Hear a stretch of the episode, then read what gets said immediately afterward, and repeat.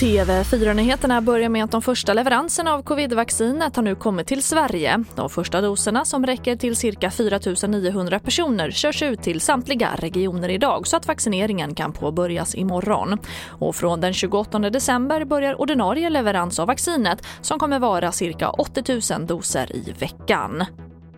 Och Snapchat ska börja samarbeta med polisen för att spåra pedofiler som använder appen för att komma i kontakt med barn, det skriver SvD.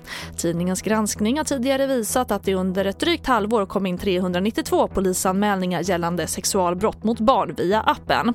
Och enligt polisen kommer samarbetet leda till att det blir lättare att få ut kontoinformation om misstänkta förövare. Och en hotellbar i Göteborg har kringgått de skarpa reglerna för alkoholservering genom att erbjuda efterfester på sammanlagt 11 hotellrum, det rapporterar Göteborgs-Posten.